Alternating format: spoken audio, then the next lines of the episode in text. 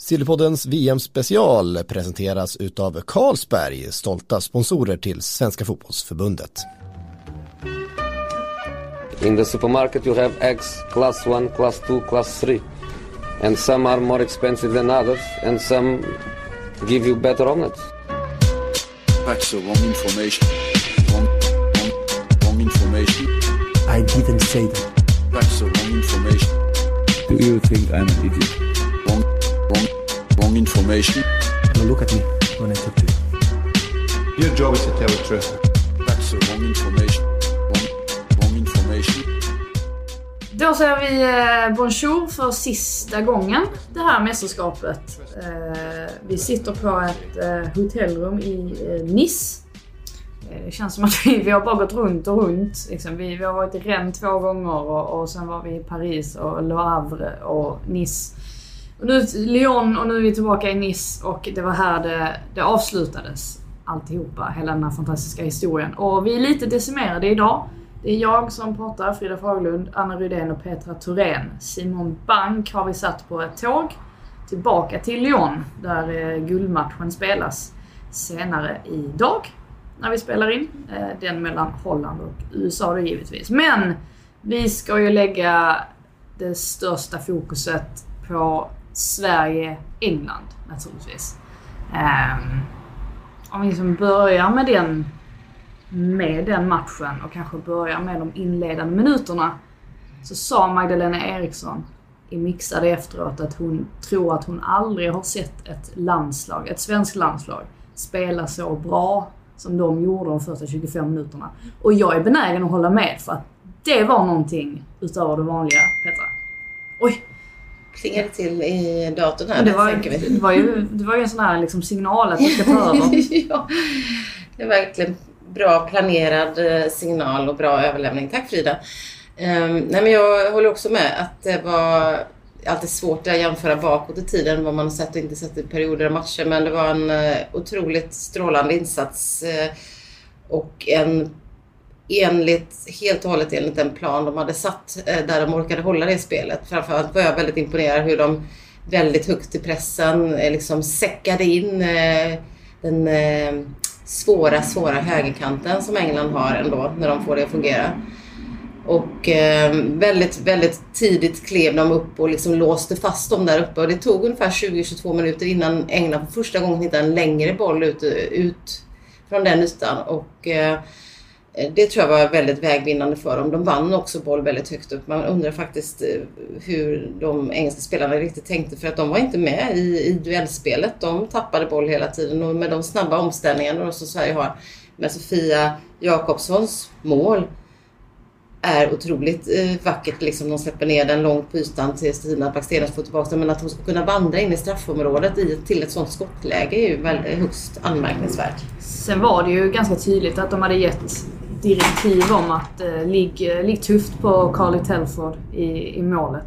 Hon är ju ganska osäker. Det är ingen Hedvig Lindahl-klass på henne direkt. Eh, och det märktes ju ganska tydligt för att det var rätt ofta hon hamnade i trångsmål och deras pressspel var ju så fruktansvärt utsökt att titta på. Eh, men sen händer det ju någonting där också. Eh, när, dels när eh, Fridolina blir skadad. Eh, om man liksom tvingas till två tidiga byten. Alltså där tappar man ju. Ja, det, det var ju så anmärkningsvärda minuter. Man eh, gick Ja, vad från- hände inte under de minuterna? Men vad, hände, vad hände inte? Alltså det var ju med Rolfens skada. Vi har Aslani som börjar sätta sig där någon gång och liksom ta sig lite mot huvudet och de tittar till henne. Hur mår hon egentligen? Hon spelade ju halvleken ut sen eh, visserligen men Rolfö som ligger och gråter nere bakom målet och så gör Frank Kirby sitt fantastiska reduceringsmål till 2-1 och bara minuten senare så kommer Ellen White och tror att hon har gjort mål eh, men det har hon ju inte då, säger VAR lite senare. Eh, Ellen White älskar ju inte VAR, det kan man konstatera efter att ha blivit bortdömd med millimeter i princip i semifinalen mot USA när, på offsiden. När hon trodde att hon hade kvitterat till 2-2. Och så här då när hon tror att hon har kvitterat till 2-2 så blir det bortdömt för hans. Och ja, Phil Neville hade ju varit inne på det att eh, i början av turneringen så var VAR vår bästa spelare de sista två matcherna. Så jag hade jag gärna bytt ut, bytt ut VAR direkt. Ja, och sen samtidigt så var Ellen White själv ganska så här diplomatisk i mixade efteråt till skillnad från många av hennes lagkamrater. Eh, alltså hon påstod att hon inte kände att bollen tog på handen. Och det gjorde hon ju inte för den tog ju på armen. Men eh, hon var samtidigt sådär att man får lita på att det blir rätt. Eh, så det var inte som att hon stod och var en bitter förlorare till skillnad mot hennes eh, kära lagkamrat Lucy Bronze. Som jag har beundrat jättemycket och tyckt att var härligt med någon som är frispråkig. Men att ställa sig på det där sättet efter en match och stå och påstå att det här betydde inte lika mycket för oss som det betydde för Sverige. Alltså kom igen.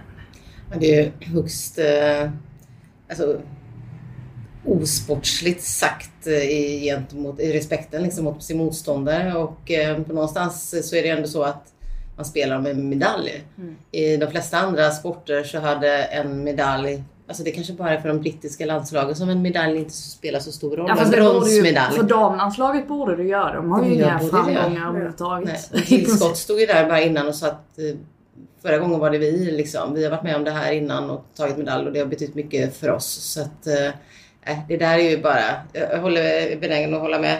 Vem var det som sa det? Någon av svenska spelarna, Magda kanske? Ja, det var Att- Magda som Magda igen. Att eh, det, det är liksom en lite dåliga förlorarstil liksom, när man behöver uttrycka sig på det sättet. Och lite onödigt för hon kan väl bara erkänna då att Sverige var bättre. Sen var Sverige bättre i 25 minuter. Eh, sen var ju det England som hade matchen och matchbilden och de, eh, men, men eh, Sverige lås, liksom löser det ju ändå hela vägen ut och det får man ju säga. Det hade inte varit lyckosamt med förlängning. Så den här lilla Fischer-nicken, vi måste ändå ta den. Oj, oj, oj. För det är Nilla Fischer som till slut ändå ser till att det inte blir förlängning utan en, en seger. Och hon... Skottet där som Hedvig inte når som, som man alla hinner tänka liksom, nej men nu går den in. Hon hinner ju se att bollen är på väg. Hon hinner tänka spänn nacken för fan. Och sen så liksom är hon rätt på den. Hon är helt rätt placerad och hinner liksom bara sätta dit huvudet. Hon faller liksom bakåt också. Alltså det var, det, fast i slow motion. Alltså efter att hon har träffat så bara... Det är som, hon, bara hon bara välter. Alltså det, var, det måste ha varit sån kraft i det skottet också. Och att hon då lyckas få undan den. Det är helt ofattbart. Och alla spelare sa ju samma sak i princip. Att de var ju helt hundra. Nu blir det mål. Vi kommer aldrig orka 120 minuter idag också. Alltså det, det händer inte. Nej, då hade det nog blivit så mot Holland då, att de hade tappat eh, matchen. Ja, och det som är intressant är att Peter Gerhardsson har ju snackat hela turneringen om vilken bred trupp Sverige har. Eh, ja, alltså hyfsat bred. Men inte jättebred. För att man såg ju där direkt, alltså både mot Holland och nu mot England, att när de tvingas göra något byte på nyckelspelare där med Eh, Nej men alltså Fridolin och Rolfö var ju inte ens med mot Holland och sen så får hon kliva av tidigt mot England. Ge, alltså genast en försämring. Extrem försämring. Eh, Och man märker då att Magda blir sämre av att Rolfö inte är framför henne. Sen skiftar ju hon och Jakobsson kant lite då och då men Rolfö utgår ju oftast från vänsterkanten från början. Eh, och samma sak med Aslani, när hon kliver av är då det helt plötsligt en mindre spelare som kan hålla i bollen en liten längre stund. Eh, det blir en dramatisk försämring och, och det klarar de ju inte riktigt av. Där skulle man ju velat ha någon ytterligare spelare. Men var det inte konstigt att inte Elin Rubensson kom in istället för Sigge? Det känns ju spontant väldigt märkligt med tanke på att hon har varit första valet hela mästerskapet tidigare och gjorde det så skulle hon ju bänkas i semifinalen mot Holland men eh, Nathalie Björn fick feber då och så fick Rubensson kliva in ändå från start och då gjorde hon ju det bra så frågan är ju om hon är skadad eller varför han inte sätter in Nej, det var Rubensson istället. inte. Eh, Jag pratade med henne efteråt och eh, där kan jag ändå gilla Elin för att hon, hon är ändå en så pass stor person att hon säger att alltså hon fokuserar ju på det här bronset och det är fantastiskt kul att ha tagit det. Men är ändå tydlig med att det är klart man är besviken på att inte få spela. Alltså att man kan ha två tankar i huvudet samtidigt. Och det var ju ganska tydligt att hade hon eh, Alltså hon hade kunnat bli inbytt så att säga. Det var inte så att hon satt och eh, hade extrema skadeproblem. Sen vet vi ju om det här med belastnings eh, liksom problematiken, att de är väldigt sådär så fort någon är lite belastad, överbelastad, ja men då väljer man bort den spelaren. De, har, de verkar ju ha en väldigt tydlig plan som kanske inte alltid spelarna eh, liksom håller med om. Men de tycker att de gör det som är, är bäst för Ja, för de, de utgår ju alltid från, när de pratar, eller Peter pratar ju ofta om att liksom, vi kollar på vilka spelare som klarar 120 minuter, vi kollar vilka som kan klara 90 minuter. Och utefter det där så sätter vi vår startelva. Det är klart att han har liksom sina favoritspelare och hur han vill starta men att det där väger in väldigt mycket så att eh, de vet väl säkert saker som inte vi vet och de fick ju jobba ganska hårt igår i det medicinska teamet där. Framförallt de minuterna vi pratade om när Prime time. Ja, när doktor Ebrahimi fick springa fram och tillbaka och konversera med sin kompanjon som satt uppe på läktaren och tittade ner. Han satt ju strax ovanför oss och blickade ner över vad som hände. Så att, nej, de, de hade lite att göra där. Ja, och jag kan tänka också att eh, det finns säkert så, alltså, deras alla kurvor och GPS-kurvor och sånt där som visar, kanske visar att man inte är toppslag, så kan det vara. Sen tänker jag att i, i just eh, liksom den positionen då, det var ju alltså när Kosse gick ut, eh, Eh, så är ju det kanske inte den positionen som Elin brukar spela i vanliga fall. Hon brukar ju ha en av de här, alltså rollen bredvid Karin Seger som Nathalie Björn har, men hon hon är ju definitivt helt kvalificerad för att ta den rollen som eh, högt upp i banan eh, också tycker jag. Och, eh, det, det, det bytet förvånade mig lite för vi kan ändå vara lite krass och konstatera tycker jag att eh, Julia inte riktigt räckte till där i den rollen. Inte förrän de gick över på en trebackslinje och fick eh, liksom stadgat upp mittfältet lite. För Julia tillsammans med Lina Hurtig, då som ersatte eh, Fridolina Rolfö, de får inte till liksom försvarsspelet tillräckligt och då, då tappar man pressspelet och så hamnar man för långt ner och sen kommer liksom England närmare och närmare. Så det är återigen då i och för sig en taktisk förändring som gör att de faktiskt kan stänga matchen eh, med, med en trebackslinje och få upp Magda där som kan hjälpa till på kanten. Att man liksom ja, orkade hålla upp det lite. Så det får man ju också ge dem igen. Alltså, det har ju nästan varit det bästa taktiska genomförandet rakt genom turneringen som Peter Gerhardsson och Magnus Wikman har stått för tycker jag. Men Peter, vi, vi har ju nästan börjat tänka som eh, Magnus och Peter nu. Vi, vi sa ju fem minuter innan de faktiskt gjorde det bytet, vi in med Ilestedt, trebackslinje, tryck upp eh, Magda på wingback. Det var som att, det var som att de lyssnade på oss. Ni tog så- någon walkie-talkie där från eh, de svenska ledarna och skickade ner direktiven direkt till bänken. Det är ju ändå fint. Ja, eller också vi helt enkelt bara Börjar kan, vi, tänka kan vi det här laget och tänker som, som de. Det är ganska tydligt också. Ja, det var inte svårt att gissa vad, att man behövde göra en förändring för att eh, de satt ju knät där nere liksom, Ja. med, med hela det engelska både mittfältet och anfallet som, som klev in. Så att eh, den förändringen, men den förändringen återigen ändå att man gör den förändringen. Ibland kan jag tycka att det finns en tendens hos många tränare generellt att vänta för länge med byten, att vänta för länge med taktiska förändringar. Framförallt kanske då när man leder och känner att vi har ju ändå vi har ju ledningen i det här men, men just att då vara offensiv i sin justering tycker jag är bra. Mm. Och i, I mitt tycke så är ju Peter och Magnus ska också räknas in där. Eh, de bästa förbundskaptenerna det här mästerskapet genom sett till vad man dels har haft för material att jobba med men också förväntningarna att de har varit så himla låga och ändå har man lyckats ta sig hela vägen fram till en bronsmedalj. Eh, jag tycker det är fantastiskt imponerad. Eh, och det är klart att det, det är väl några gånger man, man tänker att varför gjorde du så eller varför gjorde ni så? Å andra sidan så de har ju hela tiden gjort lite grann vad de har kunnat med tanke på att det ändå har funnits en del skador eh, och sådär och, och känn, krampkänningar och feberkänningar och, och allt vad det är. Så att eh, nej, en, en stor eloge till dem. Men eh, Anna, vem har varit Sveriges bästa spelare det här mästerskapet? Eh, det skulle jag ändå säga är Hedvig Lindahl som... Det är ju, om, man, om man bara ska minnas en bild från det här mästerskapet så är det ju hennes straffräddning det man tänker på direkt. Den mot Kanada i åttondelen och med tanke på liksom vilken vår hon kom in i det här med att inte ha fått spela i Chelsea och känt, att, känt sig ratad eh, helt enkelt. Eh, inte haft matchtempot i kroppen riktigt och att det har funnits folk lite runt omkring som har varit osäkra på var hon står och hon känner ju själv har uttryckt flera gånger att det finns fortfarande de som har tvivlat på mig. Att kliva in och kanske då inte har så jättemycket att göra i de första två matcherna mot eh, Chile och Thailand. Ja, ja, Thailands mål där. Ja, eh, där gjorde hon ju då kanske inte så mycket. Det, men eh, Hon hann inte reagera. nej. Och sen ställas mot USA med en helt annan elva framför sig än vad hon är van vid och så då kliva in mot Kanada. Det är ju där som man känner att hennes VM växlas upp rejält. Den där straffräddningen gav henne otroligt självförtroende. Det var, det var ju knappt... Hon gillar ju att spela väldigt offensivt som målvakt så hon kliver ju ut långt flera gånger. Eh, gillar att vara på the front foot som hon själv säger och eh, man blir ju inte ens nervös när hon är det längre. När hon rusar ut. För några år sedan så hade man ju varit livrädd om hon kommer utrusande flera meter och så tänker man nej, nej, nej, nej Hedvig stanna kvar.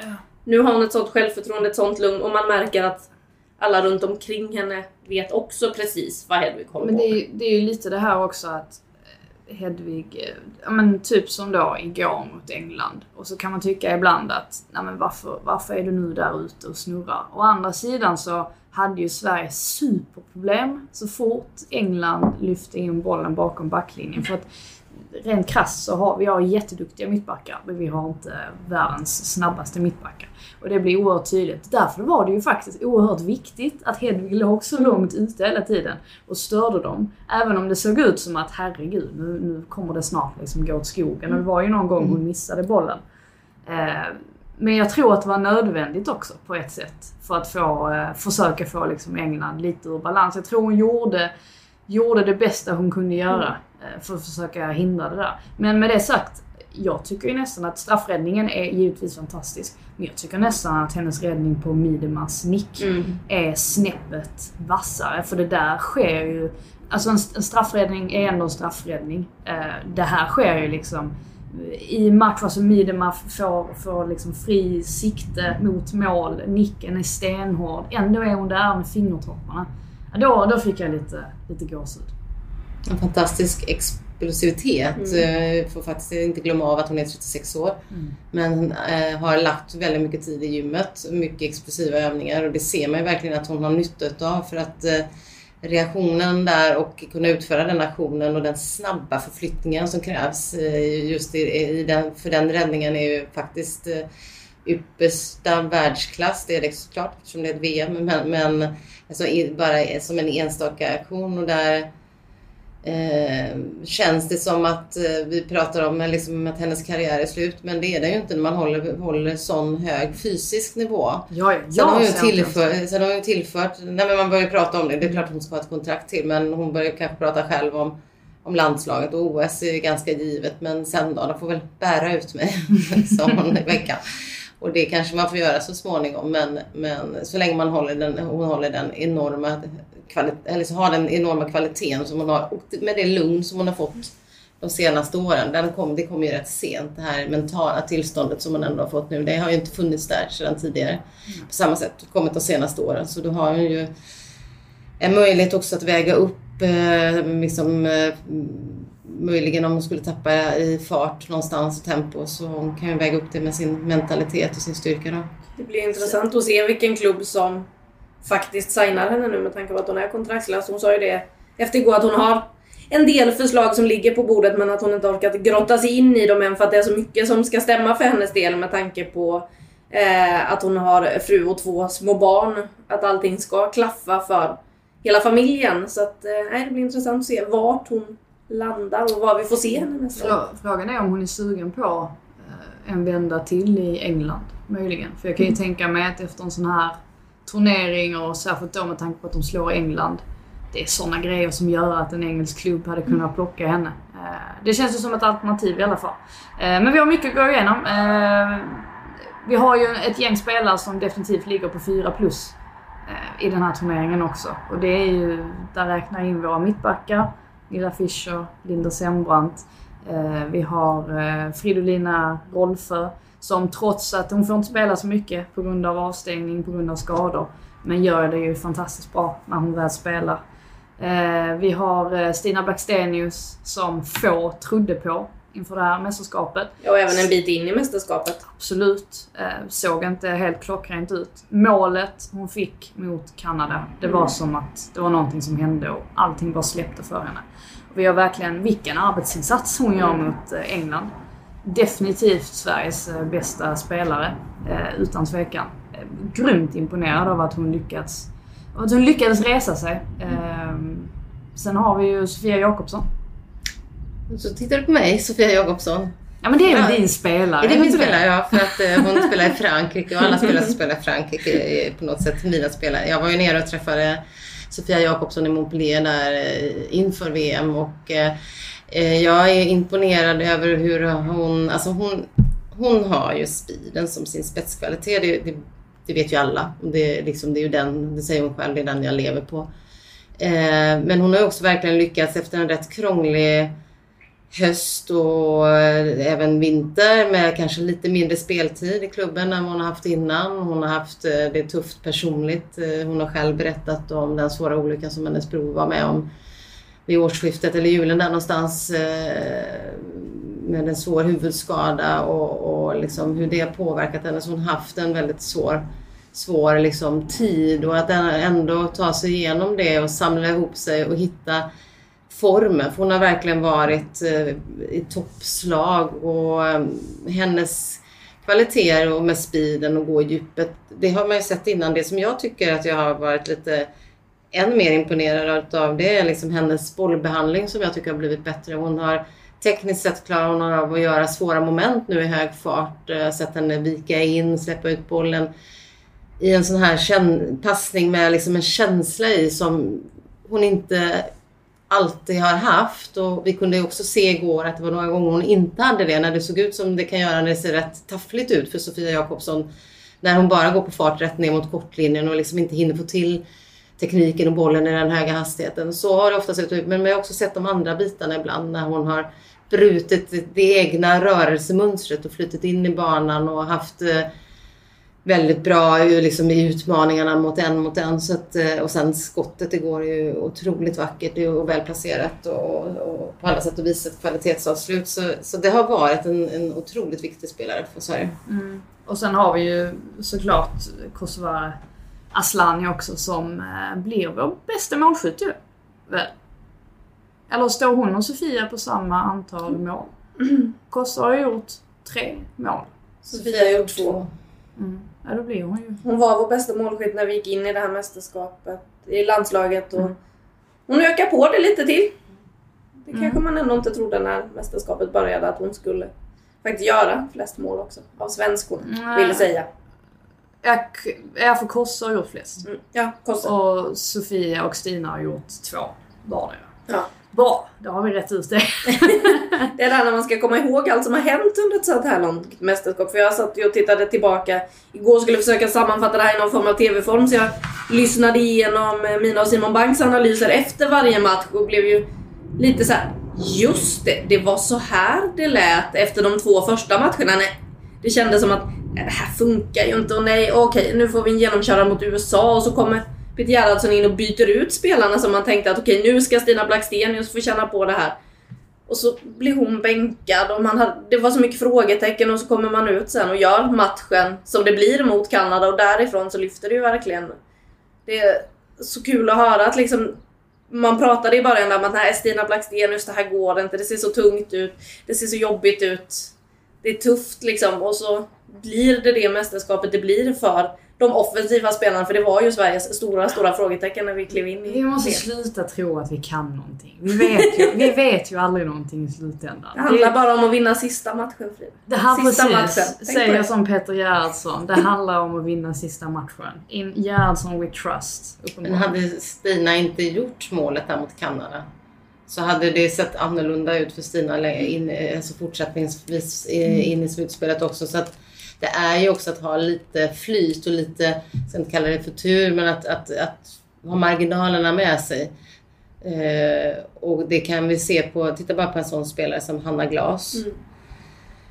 Som eh, har vuxit, verk- verkligen, hon har verkligen vuxit tycker jag under den här turneringen på ett fantastiskt sätt. Eh, en utav de eh, absolut bästa på det här individuella försvarsspelet. Jag tänker ofta på Tobias Linderoth, en spelare som spelade i herrlandslaget för någon, ett antal år sedan.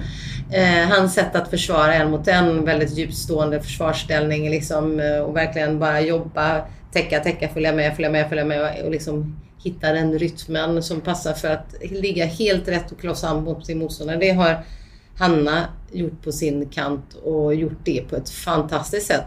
Sen tycker jag hon har inledde med en del brister offensivt men har liksom med det självförtroende hon fått tagit kliv även där, vågat följa med upp, helt börjat utmana och sätta liksom passningar i, liksom, på ytor som jag inte trodde att hon skulle hitta. Så jag, det där är en spelare som man verkligen kan se.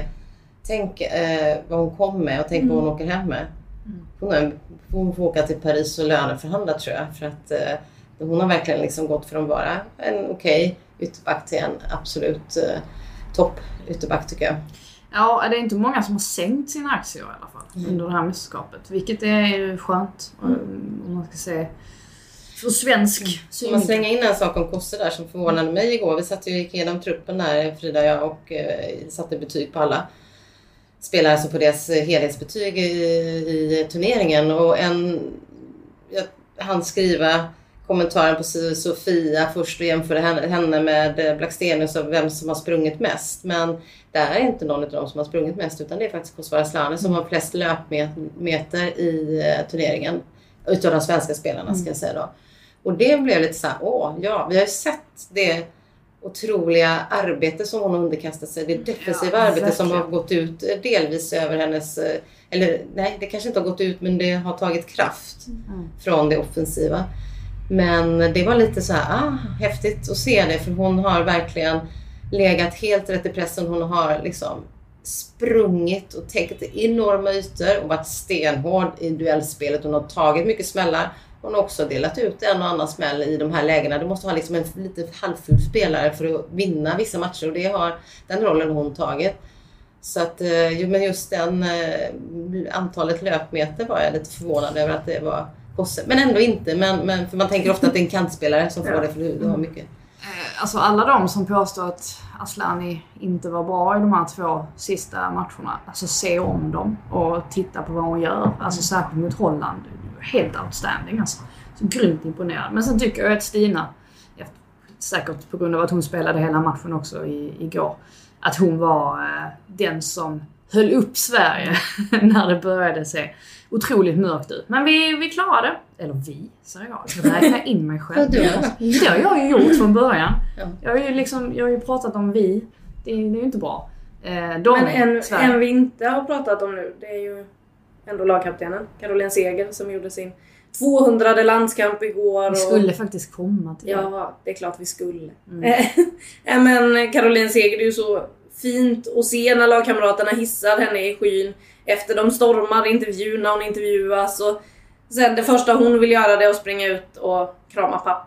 Ja men berätta vad pappa Mikael heter han. Pappa Mikael. Han eh, stod ju på läktaren då. Petra och jag träffade honom innan matchen och han berättade att äh, den här matchen kunde jag inte missa. OS-finalen stoppade Caroline honom från att åka på för att det skulle kosta så otroligt mycket pengar. Nu sket han i hur mycket det kostade och åkte ändå för han ville se den här matchen som var så otroligt speciell och han stod ju där med tårar i ögonen när Caroline kommer fram springen. Hon drar av sig medaljen, håller den i handen och bara kastar sig om eh, pappa Mikael och ganska snabbt så ringer de också upp mamma Birgitta som inte kunde då följa med för att det var för dyrt och sådär. Så hon fick vara med på Facetime och de hade en otroligt fin stund där runt alla andra svenska anhöriga. Hon var först ut där och äh, det var så fint och Mikael sa det efter att liksom vi pratade lite om det här att det var hennes 200 landskamp. bara, ja, jag har gått och försökt fundera på när gjorde hon sin 100 egentligen? Jag kan inte komma på det. Jag kommer inte ihåg det. Men den 200 den kommer jag aldrig glömma. Alltså, man vet inte ens. Det känns som att man har sagt mycket om Caroline Seger och det har skrivits eh, texter och vi har en fantastisk krönikör som har skrivit väldigt, väldigt fint om henne. Det känns ju som att allt är sagt redan. Men eh, vilken fantastisk kvinna och människa, förebild och person det här är. Det, jag tror inte riktigt, det är lätt tror jag när man sitter och tittar på TV och så ser man bara hennes insatser på planen och, och visserligen så har hon en, en spelintelligens som få besitter. Men alla kan också se att snabbheten finns inte riktigt där. Ibland slarvas det en del på grund av det. Alltså beslutsfattandet tar lite för lång tid och så vidare. Men just den här delen och biten utanför planen, alltså hur hon driver på de andra, sättet hon pratar om fotbollen på och liksom hela hennes aura. Alltså det är, det är någonting speciellt och jag förstår inte vem som ska ta över den rollen när hon väl slutar i landslaget. För att i dagsläget, i mitt tycke, så finns det ingen som kan göra det. Ja, Sofia Jakobsson kunde knappt beskriva Caroline Seger med ord när du bad henne häromdagen Frida. Det, det var liksom så stort och Hanna Glas beskriver du som en dröm att få spela med Caroline Seger. Alltså man märker ju att tjejerna i laget verkligen uppskattar henne och den inverkan hon har på alla runt omkring sig. Ja, men hon är en sån där person som man, tänker jag på när man träffar henne och sitter ner och pratar med henne, mår bra av att vara bredvid liksom. Det händer någonting när man sitter eh, bredvid Carro som eh, hon kallas då. Eh, Framförallt hennes sätt att vara liksom öppet ärlig men också ha en väldigt nära till sin humor. Du kan sitta och prata med henne så kommer det ett skämt. Liksom. Hon är alltid nära till, till ett leende. Sen har hon, alltså det är inget påklistrat leende för i hennes eh, personlighet finns också ett väldigt djup. Eh, hon har gått igenom liksom tuffa familjetragedier egentligen som Mikael och Birgitta och Caroline också varit öppna med, med, med systern och systerns drogmissbruk och hur det har påverkat familjen. Och det är därför familjebanden också är väldigt starka för att eh, hon lyfter sina föräldrar liksom som, som de största klipporna i, i hela världen. Frågar du henne efter förebilder så är det föräldrarna och det beror nog mycket på, på den, ja, de utmaningar som de har ställts inför tillsammans. Och det har verkligen präglat, tror jag, Caroline som, som person. Och väldigt fascinerad över, över det. Ibland kan jag nästan tänka att hon är sån som bryr sig så mycket om alla andra att hon bryr sig kanske lite för lite om sig själv. Och att det har kunnat vara en sak som kanske gjort att hon inte har blivit den där allra största internationella stjärnan. För någonstans har hon ju liksom kanske inte lyckats eh, på samma sätt i alla utländska klubbar liksom som hon har gjort i svenska landslaget. Och det tror jag kan vara att hon inte riktigt har den här sidan. Hon, hon är en sån som lyfter andra. Eh, snarare kanske än att lyfta sig själv. Men en fantastisk eh, människa, en fantastisk spelare och eh, ja, det är väl så som den stora spelare någon gång slutar, vilket hon kommer göra. Vi vet inte ens om hon ska spela OS, men hon ska spela hösten ut och tror sjutton att hon kommer spela OS också. Det hade varit konstigt annars. Men det får ju bli något annat som kommer då. Någon annan som ersätter en annan personlighet. Det går inte att ersätta rakt av. Så. Nathalie Björn då som spelade igår är det faktiskt många som lyfter som en framtida kapten. Ja, hon är ju den tjejen.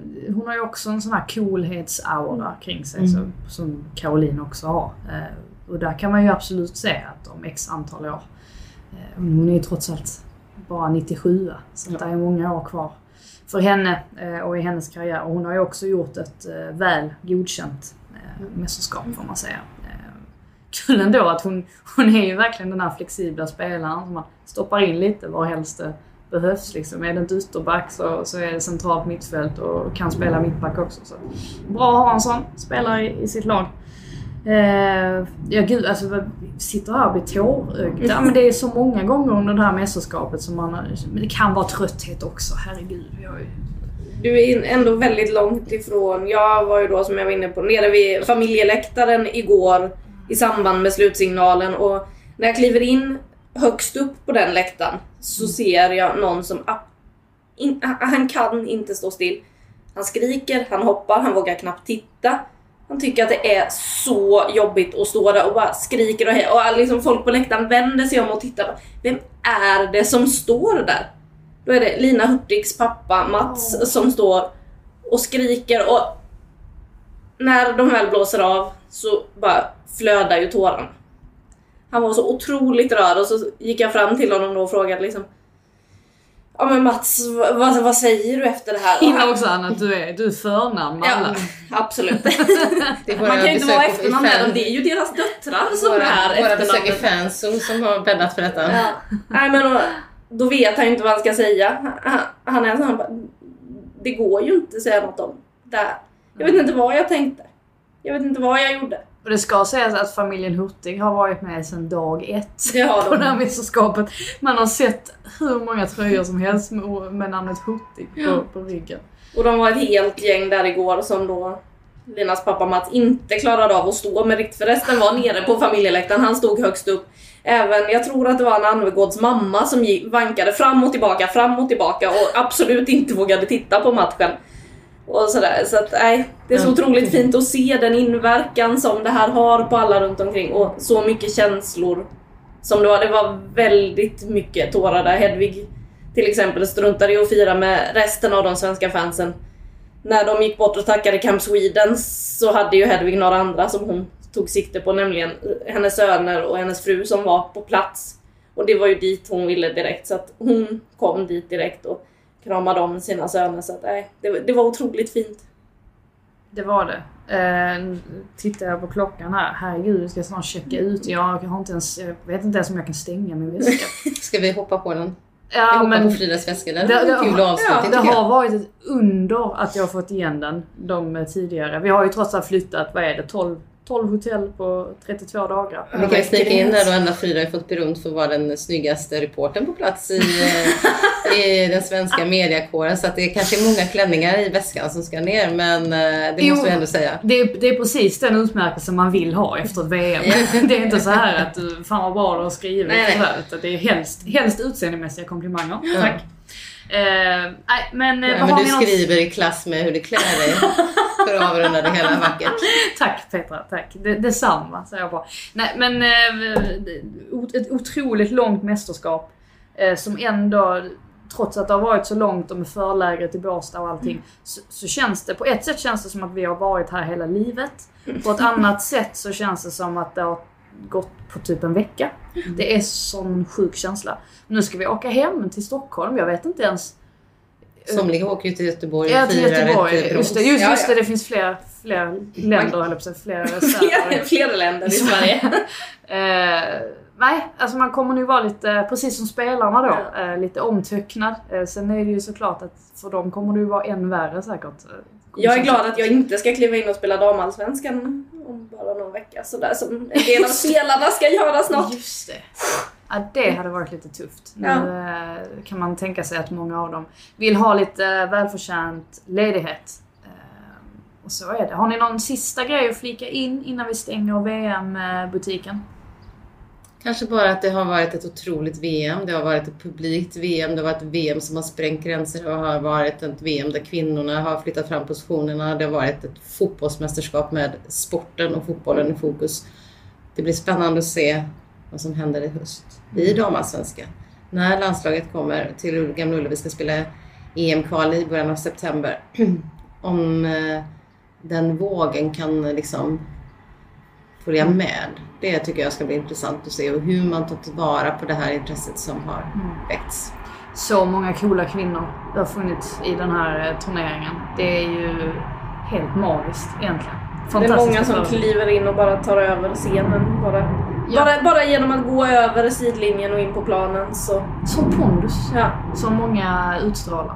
Det är perfekta förebilder för både tjejer och killar. Verkligen. Eh, med det säger vi... Eh, det är så här, hur säger man det på franska? Herregud. Merci beaucoup. Eh, och eh, au revoir. Nej, inte au revoir. Eh, Du kan säga au man revoir. kan säga det också. more Ja. expensive than others, Eh, au and revoir. some give you better omelets. That's the wrong information. Wrong, wrong, wrong information. I didn't say that. That's the wrong information. Do you think I'm an idiot? Wrong, wrong, wrong information. Now look at me when I talk to you. Your job is to tell the truth. That's the wrong information. Wrong, wrong information. I'm not going to have you twisting everything I say. Twist, twist, twisting everything I say. So make that clear.